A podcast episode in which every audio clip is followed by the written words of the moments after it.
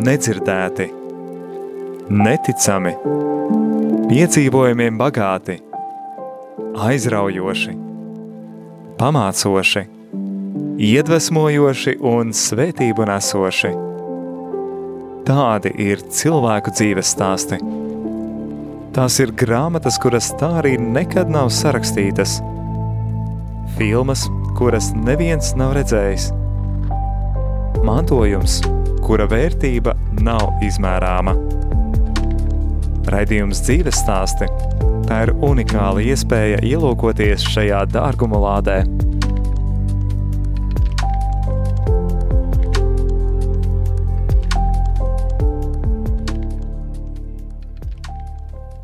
Labvakar, radio Marija Latvija klausītāji. Šodien ir trešdiena, pulkstens pieci pēcpusdienā, un kā ierasts, tu savā ēterā klausies dzīves stāstus šajā sezonā, tad līdzīgi kā iepriekšējā dzīves stāsti izskanēs mēneša pirmajā un trešajā nedēļā, bet šajā devītajā sezonā kāds jaunums – Trešajā nedēļā dzīves stāsti būs no Latgales, un mums ir kāda brīnišķīga raidījuma vadītāja Iveta Seimānova, kurai ir uzņēmusies šo dzīves stāstu no Latgales uh, veidošanu, kūrēšanu, gribu, gribu teikt, labvakar. Uh, labs vakars. Jā, tad uh, rādījumā arī klausītāji priecājos, ka tu esi kopā ar mums un ceru, ka šīs trešdi, trešdienas, šīs vakara stundas tev būs interesantas un atkal tikšanās ar interesantām personām. Paldies! Es arī ceru, es darīšu, ko varēšu, un mēģināšu, lai šīs minūtes būtu interesantas ne tikai man, bet arī klausītājiem. Tad, radio arī klausītāji, šodien būs uh, ievada raidījums uh, šim raidījumu ciklam, un šis būs dzīves stāsts par Īvetu un uh, par Īvetu Seimānovu, un kas interesantākais, manuprāt, uh, tu esi nevien trīs bērnu mamma, bet tu esi arī Annužu mamma, ja? tās ir tautiskas uh, lelītes, un uh, tā ir izstāde, manuprāt, ar kuru tu jau esi diezgan daudzas Latvijas un arī pasaulē esi pabijusi. Jā, man ir ļoti daudz šie te auģu bērni, un uh, tie man ļoti daudz arī paņem manu personīgo un mano brīvo laiku, bet uh, kopā ar viņiem es arī iepazīstu ļoti daudz uh, šos cilvēkus, gan Latgalis, gan Latvijas, gan visas pasaules. Tā kā jā, tas, tas arī paver man logu un plašāko redzējumu tieši caur šīm lēlēm arī uz pasauli, ne tikai pasaulē uz viņām. Un no uh, radio arī komandas puses sirsnīgs paldies, ka tu esi kopā ar mums. Manuprāt, mūs gaida priekšā interesanta sezona un interesanti dzīves stāsti no Latgales. Bet uh, tad par tevi, par tevi Īvetu, kāds tad tev ir uh, uzvārds pirms laulībām? Bija no kuras puses tu nāc un uh, kur tu pavadīji savu bērnību? Es vienmēr saku tā, ka es esmu Maltas upes abu pušu meitene, jo e, manas dzimtas nāk no abām Malt, Malt, abu Maltas upes e, krastu vietām. E, vecā mamma viena man ir no Zvīdriņiem, un otra vecmāma man ir no Briškām, un es savu bērnību pavadīju Eh, briškās, un ļoti nozīmīgi cilvēki manā bērnībā bija tieši vecā māte un vecais tēvs, jo, kā jau padomi bērns, mamma man bija aizņemta darbos, viņa bija kolhoza agronome, un tētis bija šoferis, un var teikt, ka visu, visa bērnība man pagāja briškās, eh, skaistā, skaistā vietā, Liepkalnos, Eh, kur ziedēja liepas un kur ziedēja ābeles, un kur mēs ar veco tēvu novācām šo te ābolu ražu, un um, pļavās ziedēja skaistas puķes, un tur bērnībā dzīvojos es. Kurā tad uh, Latgales novadā šī vieta, Briškas, ja es pareizi saprotu, tad tu, kurā Latgales novadā tas ir atrodams? Geogrāfijā. Tātad šobrīd tas ir Prēļu novads, Galēnu pagasts, bet vispār jau šis Galēnu pagasts ir bijis gan Riebiņu novads, gan, ja mēs e, skatāmies vēsturiski vēl agrāk, tad e, šis ir bijis arī Rēzeknis apriņķis, tā kā praktiski man ir dārgas šīs te abas vietas, gan Rēzeknis puse, gan Prēļu puse, ja ņemam globālāk un lielāk. Bet, protams, ka tās e, latgaliskās vērtības, kas ir ieaudzinātas jau tā kā bērnībā un iezīstas kopā mātes pienu, es viņas mēģinu nest tālāk un es mēģinu ar viņām dalīties un ļoti iespējams, ka tieši tāpēc es arī esmu šeit un tagad. Kādas ir tavas atmiņas no bērnības? Kādas spilgtākās no um, bērnības, ko tu pavadīji Latgales pusē, tagad jau tu esi Rīgā, bet uh, Tas, eh, kas tavuprāt raksturo tavu bērnību? Nu, es atceros tādas, eh, tad jau eh, mēs nebijām tik aizņemti, tad man bija televizors un man bija rādio, bet mums nebija tik daudz dažādas lietas, kas ir šobrīd tiem bērniem, un tā, ka vairāk es biju tāds dabas bērns ar tikko slauktu govs piena eh, glāzi rokā, ar tikko no kaimiņiem atnest tikko svaigi spiesta medus burciņu, to es visu ļoti labi atceros. Un vēl es ļoti labi atceros, ko nesen arī Indrai Čeksterē uzrakstīju, e, ko, viņa, ko viņa lūdza vienam grāmatas stāstam, tad tādu atmiņu stāstu arī uzbūru par āboliem, jo vecam tēvam bija liels ābeļdārs, un tur bija dažādu šķirņu šie te āboli, un es vēl šobrīd atceros, kā katrs ābols smaržo, jo e, mēs jau tagad nopērkam veikalā e, poļu ābolus, un visi, visi, viņi visi ir daudz maz līdzīgi – nu, gan pēc smaržas un tā, bet ja mēs pašķiram atpakaļ gandrīz pusgadsimtu, tad es varu jums apgalvot droši, ka cukurīši smaržo citādi, un baltais dzidrais smaržo citādi, un grapšteins smaržo citādi, un Antonovkā ir vispār īpaša smarža. Un vecais tēvs, e, par cik tēvs bija šoferis, tad vecais tēvs šos te ābolus arī interesanti uzglabāja – mums rīkojās, kart, rīkojās šīs te ābolu vākšanas talkas, un mēs viņus vācām ar rokām un pakojām kastēs. Kastes bija no koka ar, ar tādiem caurum, caurumiņiem, eh, kur ieplūst tā kā kastē gaiss, un tad ieklāja uh, avīzes vecas un lika rindās uh, šos te ābolīšus, un āboliem starpā lika sienu un smalku sienu, tur nevarēja likt šādu tādu, un tad tās kastes aizpakoja, aiznagloja ciet un mašīnā iekšā un uz Pēterburgu uz lielo tirgu. Un man bija kādi gadi trīs vai pieci, telefonu nebija, nekā nebija, un vecais tēvs ar tēti devās um, tālajā ceļā, un viņi bija dažas dienas ilgāk nekā vecmāma gaidījusi. Un atceros, ka bija liels bēdu stāsts, jo vecmāma bija ļoti satraukusies, telefonu nav un sazvanīt nevar, un nevar saprast, kur viņi palikuši, bet viņi šoreiz bija nevis kādam atdevuši šo te ābolu kravu, bet bija paši iztirgojuši. Un e, vectēvs atbrauca, vecmāmai atveda puķainu lakatu, un man atveda marmelādi, ābolu marmelādi, Un, ja mēs zinām, tad eh, tajos laikos marmelāde nebija burciņās. Toreiz bija eh, tāds eh, kosmonautu periods, un es nezinu, kāpēc, bet viņas tika ražotas tūbiņās tādās, kā tagad ir zobu pastas, un tad viņu varēja izspiest nevien uz baltmaizes, bet arī pa taisno mutē, un tas bija baigi gardi. Jā, es arī patiesībā no savas uh, bērnības, patiesībā no pusauģa gadiem atceros šīs ābolu kastes, uh, avīzes klāšanu, jā, un tad ir tāds speciāls koks ar groziņu augšā, ka tu pagriez ābolītiņš tajā groziņā iekrīt iekšā. Bet uh, par skolas gadiem, tad uh, bērnību tu pavadīji briškās.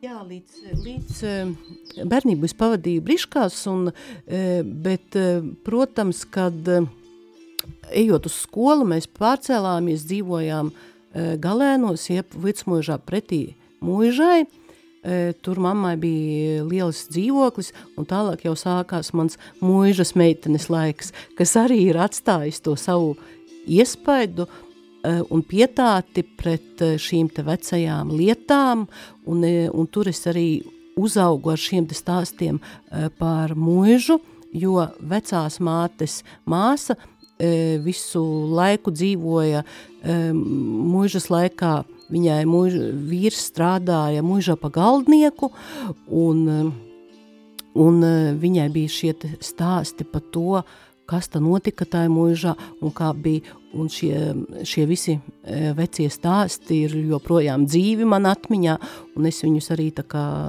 stāstu tālāk, jo šis te no mutes, e, mutē nodotais stāsts, viņš nekur jau nepazūd, viņš dzīvo, kamēr mēs viņu atceramies.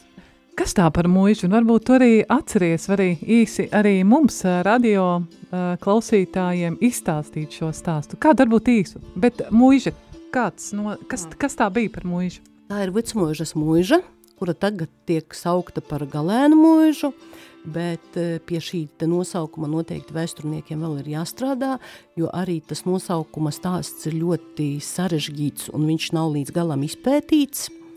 E, bet e, nu, vienu īsāko, ko es jums varētu izstāstīt, tas būtu pa, pa to, kā mužniece gaidīja dvīņus un kā viņai bija dvīņiem sagatavoti dažādi dvīņu apģērbi, skaisti ar mežģīnēm, bet uh, bija noticis tā, ka diemžēl šiem, šie dvīņi bija zaudēti, un tad mužniece nāca uz balkonu un sauca bērnus klāt, un visiem rādīja šīs te drānas, un tad vec, vecmamma bija nu, tā, kas bija redzējuši šos te apģerba gabalus, un tad viņa arī stāstīja ar kādām rišņām un, un kādām mežģīnēm e, šie te sagādāti apģerbi izskatījās.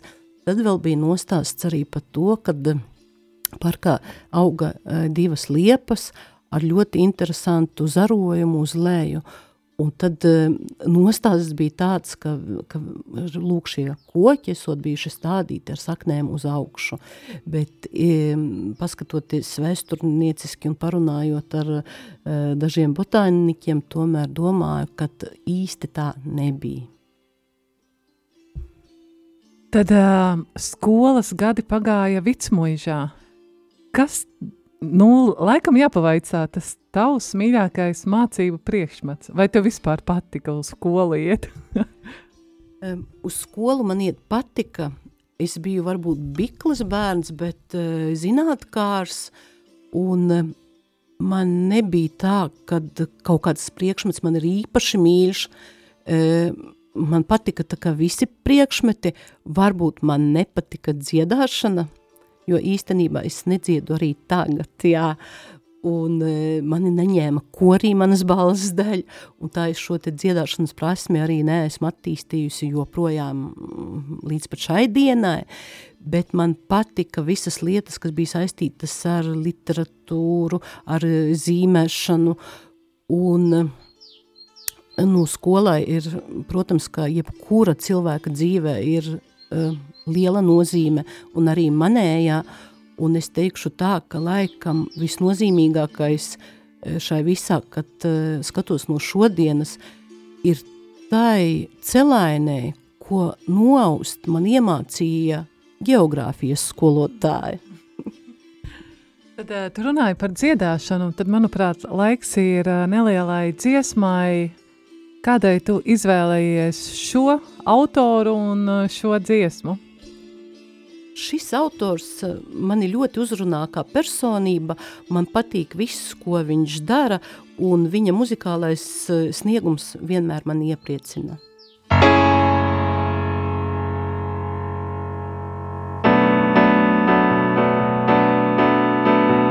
Katram sokumam reiz pienāk drošas beigas. Vecai, violai reiz jaunu mainas teigas. Visopēji kokos vienmēr lānas beigas. jos dzeļ, jos dzeļ, bezsteigas, jos dzeļ. Katrai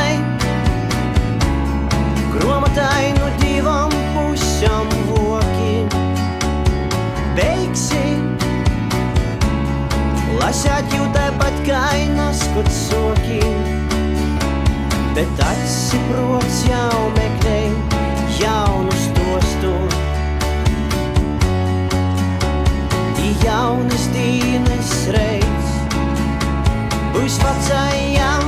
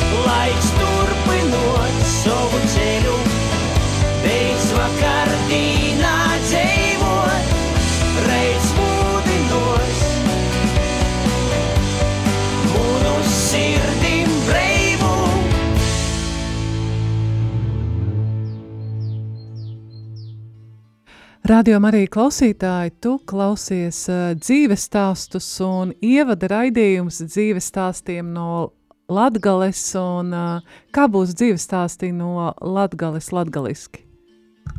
Dzīves stosti, nu Latgulas. Un kopā ar Ivatu Seimanovu. Tad, tad mums tapa jauns uh, jingls, jā, šie būs dzīves stāsti no Latgales un uh, kas skanēs reizi mēnesī, mēneša trešajā nedēļā, trešdienā, pulkstens piecos pēcpusdienā, un tad pirmā šī raidījuma viešņa ir Iveta, un uh, pirms uh, dziesmas pauzes mēs runājām par uh, bērnību, par ābolu smaržu, un tad pieskārāmies uh, jautājumam par skolas gadiem tad uh, vai tev ir palicis, palikusi atmiņā kāds pedagogs, pedagoģe? Jā, e, no skolas man ir tiešām palikuši daudz e, pamatīgi e, savas lietas darītāji, skolotāji ar lielo burtu, kas varbūt pat neiemācīja kādu Piemēram, piemēram, skolotāja Audare man bija fiziku mācīja. Varbūt viņa man neiemācīja kādu fizikas formulu, bet viņa man iemācīja tādas praktiskas lietas, piemēram, ka meitenei somiņā vienmēr ir jābūt uh, trim lietām – kabatlakatam, ķemītei, un es aizmirsu trešo. Jā, bet... Uh, nu, tā bija, tās bija personības, tās bija personības, no kurām varēja mācīties. Vai, piemēram, bija skolotāja Pudule, kas e, īstenībā e, brīvprātīgi mani sagatavoja iestā eksāmeniem e, medicīnas skolā. E, viņa teica, nu, Iveta, maizi ar medu gribēs, nu tad mācies matemātiku. Un, jā, es šiem skolotājiem esmu pateicība, pateicīga pat tagad, atceroties šīs lietas, ko viņi darīja, un viņi darīja vairāk nekā no viņiem prasa. Un varbūt arī atceroties tieši savus skolotājus, es arī šobrīd, kā biedrība, kā Latgales etnogrāfiskā vēstniecība, mēs atbalstam arī E, Nikodema Rancāna balvu, kas ir tieši skolotājiem, jo, manuprāt, nu, skolotājs ir jāgodā. Un e, tad e, vēl viens īpašs skolotājs manā dzīvē ir bijis Napoleons Rutko, kas bija ļoti īsu laika periodu, bet viņš, tieši viņš man iemācīja šo te vēsturisko pietāti, tieši iemācīja šo te uh, saskatīt vēsturē šo te bagātību, e, viņš iemācīja arī tādas praktiskas lietas, kas man noder joprojām, e, kad arī šeit ir kaut kas jāmeklē šobaldien, jo toreiz tās iespējas nebija tik lielas, bet viņš bija tieši tas, kas radīja šo te interesi, un tā interese manī joprojām dzīvo, un e, tas ir pateicoties tikai šādām šādiem skolotājiem, skolotājiem gaismas nesējiem, skolotājiem personībām, un arī mūsdienās, protams, ir daudzi skolotāji, kas dara šo darbu un dara vairāk nekā no viņiem prasa. Tad uh, tavs ceļš no skolas sola Latgalē, no Vicmuižas, tad uh, tālāk turpinājās Rīgā. Tad, uh, ko tu Rīgā mācījies, ko studēji? Jā, e, Pēc astotās klases es uh, atbraucu uz Rīgu, mazs jauns skuķis, uh, 15, 16 gadīgs, un iestājos felšeros un, un biju pārliecināta, ka viss mans mūžs arī tiks pavadīts kādā felšerpunktā, bet īsti tā nenotika. Es šeit pabeidzu um, Āgenskalnā otro medicīnas skolu, man bija kolosāli kursa biedri, ar kuriem uzturu attiecības joprojām, un visi ir dzīvē kaut ko sasnieguši, un visiem dzīvē veicas, un visi dara to, ko viņi mīl. Un, bet uh, mans dzīves stāsts tālāk aizveda no šīs medicīnas skolas sola pat taisno uz uh, vietu Latgalē, uh, Rēzeknes rajona Dekšārēm, kas ir ļoti tuvu Varakļāniem uz Felšerpunktu. Es tur pastrādāju trīs gadi, un es apprecējos, un dzima bērni, un mēs pārcēlāmies ar vīru dzīvot uz Rēzekni, un likumsakarīgi, kad es beidzu arī Rēzeknes augstskolu, un tālāk šis dzīves ceļš mani aizveda uh, pedagoģijā.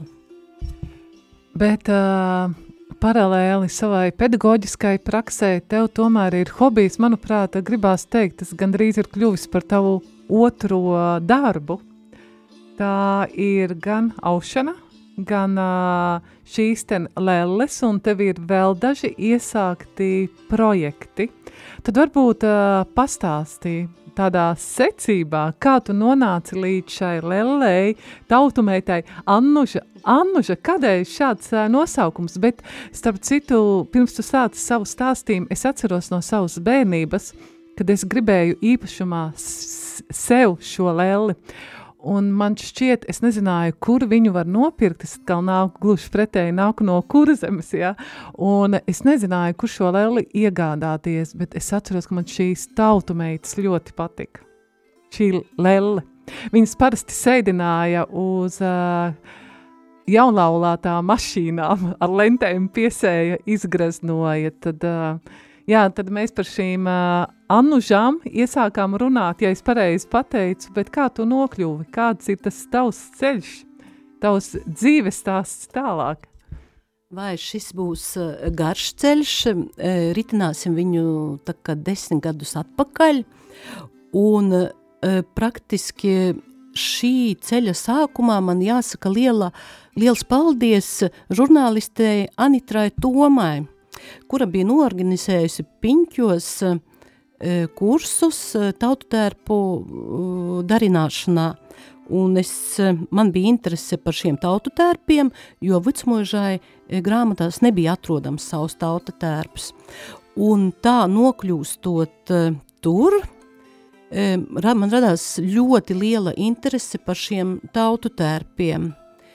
Un tur arī sapazinos ar Ievu Pīgozni, kas arī ir Eh, lad, ar latgales saknēm, un kura ir etnogrāfe, un praktiski Ieva bija tā, kas aplipināja mani ar šo vīrusu vēl vairāk.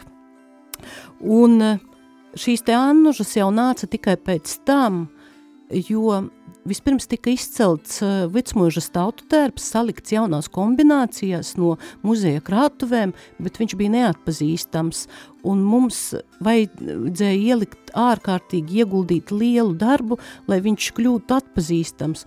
Un pirmais, kas bija, ko es darīju, es apšuvu dažādas vecas lelles Vicmožas tautu tērpā un dāvinājām dažādiem labdarības projektiem. Un uz doto momentu jau dažādās pasaules vietās mums ir kaut kur ap 75 vicmužas annužiņām, kas stāsta šo te vicmužas annužas stāstu.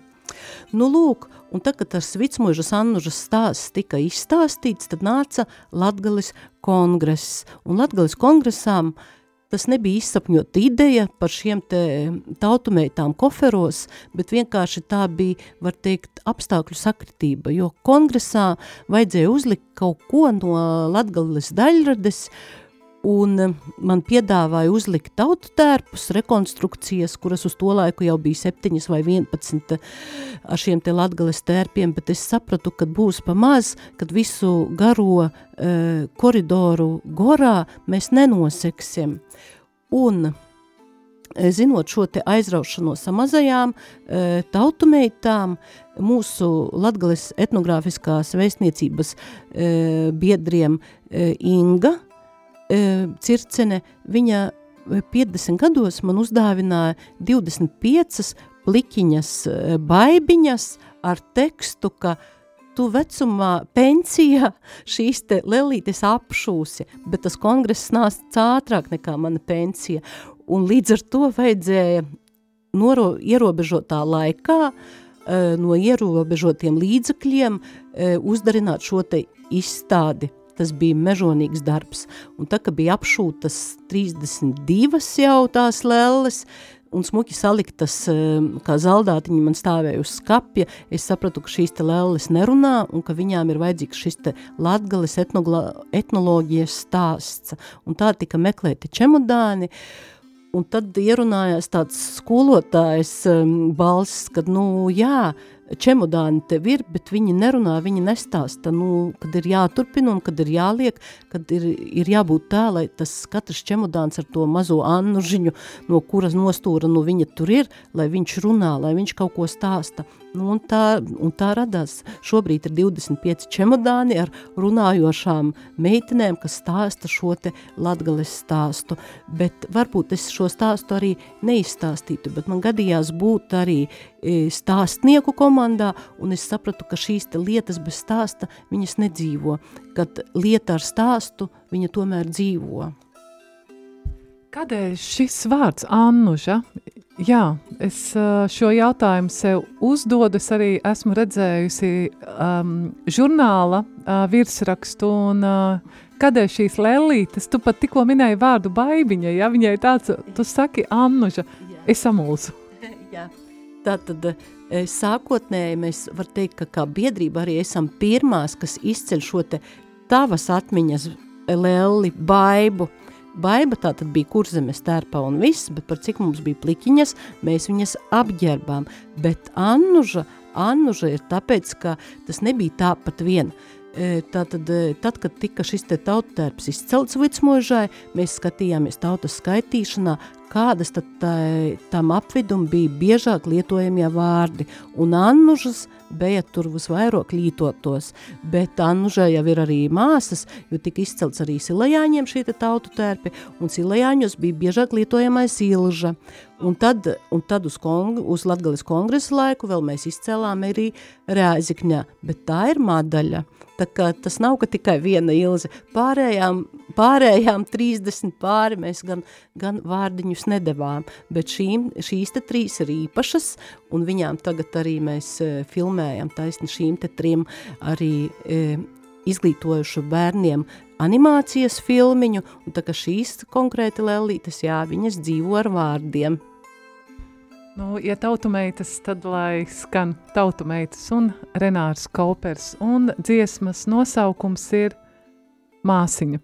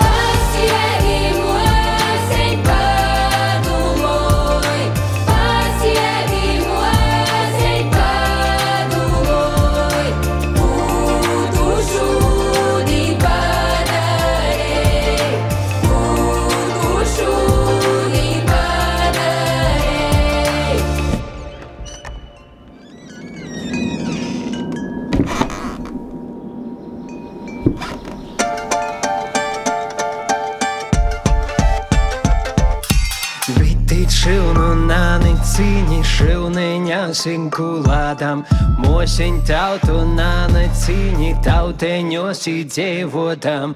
Ej, mosieņu tauteņos dzīvoj skaiški nūkojus, lai slavīten toli taki jaunokējai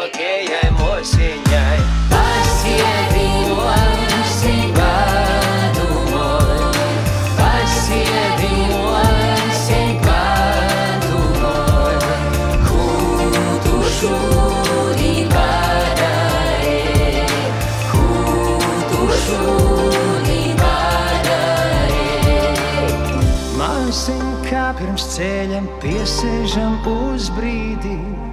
Apstāsies pasaule, ik laika sprīdis, un tad dzird klusumu visbuļu zvanos un putnus, kas viņu pavasara tuvošanos.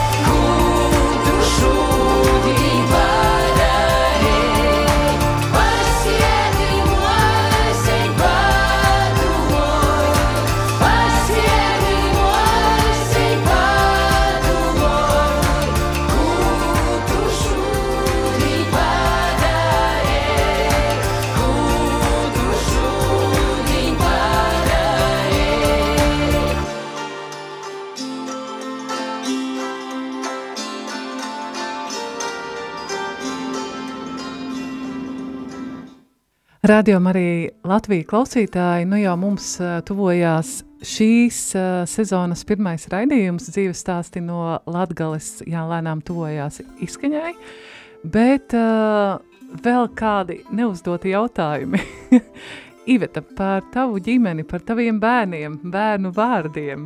Tad uh, tev ir trīs bērni, jau, nu, jau diezgan lieli ir, un tad uh, kā tu devi saviem bērniem vārdus? Kad man vēl nebija dzimusi meita, es izlasīju grāmatu Gaisma no Fatimas, un es skaidri zināju, ka ja nu gadienā kādreiz man būs meita, viņu noteikti sauks Jacinta. Un tā tajos gados, jā, es atļāvos ielikt bērnam nestandarta, nelatviešu vārdu, es meitu nosaucu par Jacintu.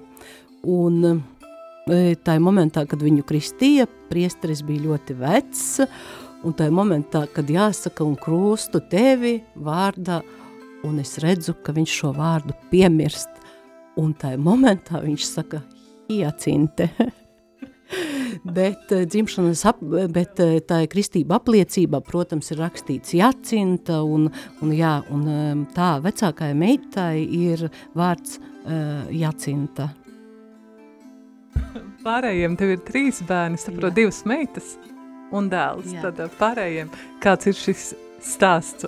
Šis stāsts tad ir, nu jā, un dēls, dēls piedzimā ātrāk nekā bija plānots, un mēs ar vīru nebijām vēl tā kā īsti vienojušies par to vārdu, uh, kuru sauksim.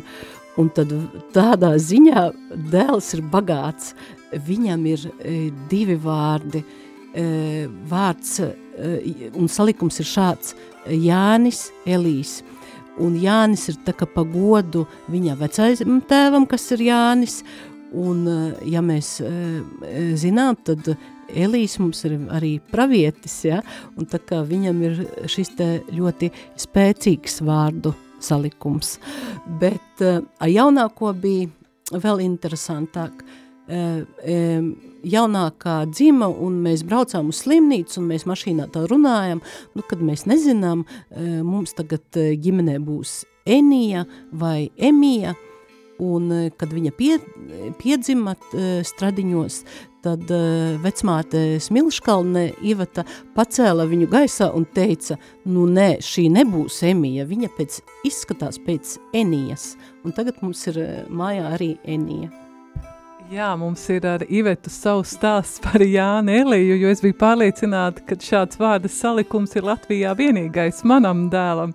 Un vak, kad es izstāstīju šo savam dēlam, tad viņš bija, o, viņš nav vienīgais, kāds ir tavs stāsts? Jā, es arī vakar savējiem pastāstīju, kad, kad ir vēl viens Jānis Elīs, un tad, tad viņš arī bija izbrīnīts, jo nu, tādus salikumus reti gadās, bet reka gadās. Tā ka jā, tā ka tas mums ar tevi tagad ir kopējs, mums abām ir dā, dēli, kam ir divi vārdi, un, un abi vārdi sakrīt. Paldies tev! Um, ko tu gribi radio arī Latviju klausītājiem novēlēt šajā sezonā, nu jau kā raidījuma vadītāji. Kaut ko latgaliešu valodā, nu noteikti latgaliski. Jā, man jāatvainojās radio arī klausītājam, kad šis raidījums nav neizskan latgaliešu valodā. Nu, cerēsim, ka nokušī izskanēs vairāk latgaliski, un es ļoti centīšos uh, Un es arī centīšos jums atvest šos stāstus, kas tiešām jūs uzrunā un kurus klausoties jums būtu interesanti, jo Latgale ir pilna ar šiem neizstāstītajiem stāstiem. Paldies, Radio Marijā Latvija klausītāji, ka bija kopā ar mums, un paldies, ka tu arī mūsu radiostaciju atbalsti ar saviem ziedojumiem, un pateicoties tiem, tad mēs arī varam doties pie tevis caur radio aparātiem un stāstīt interesantus stāstus. Paldies tev, Iveta, un nu tad atvadas. Tībēja, dzīvis stosti, nu Latgulas.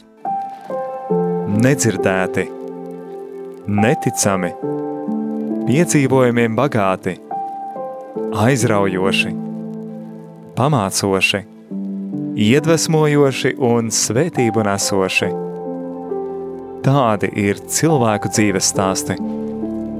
Tās ir grāmatas, kuras tā arī nekad nav sarakstītas, filmas, kuras neviens nav redzējis, mantojums, kura vērtība nav izmērāma.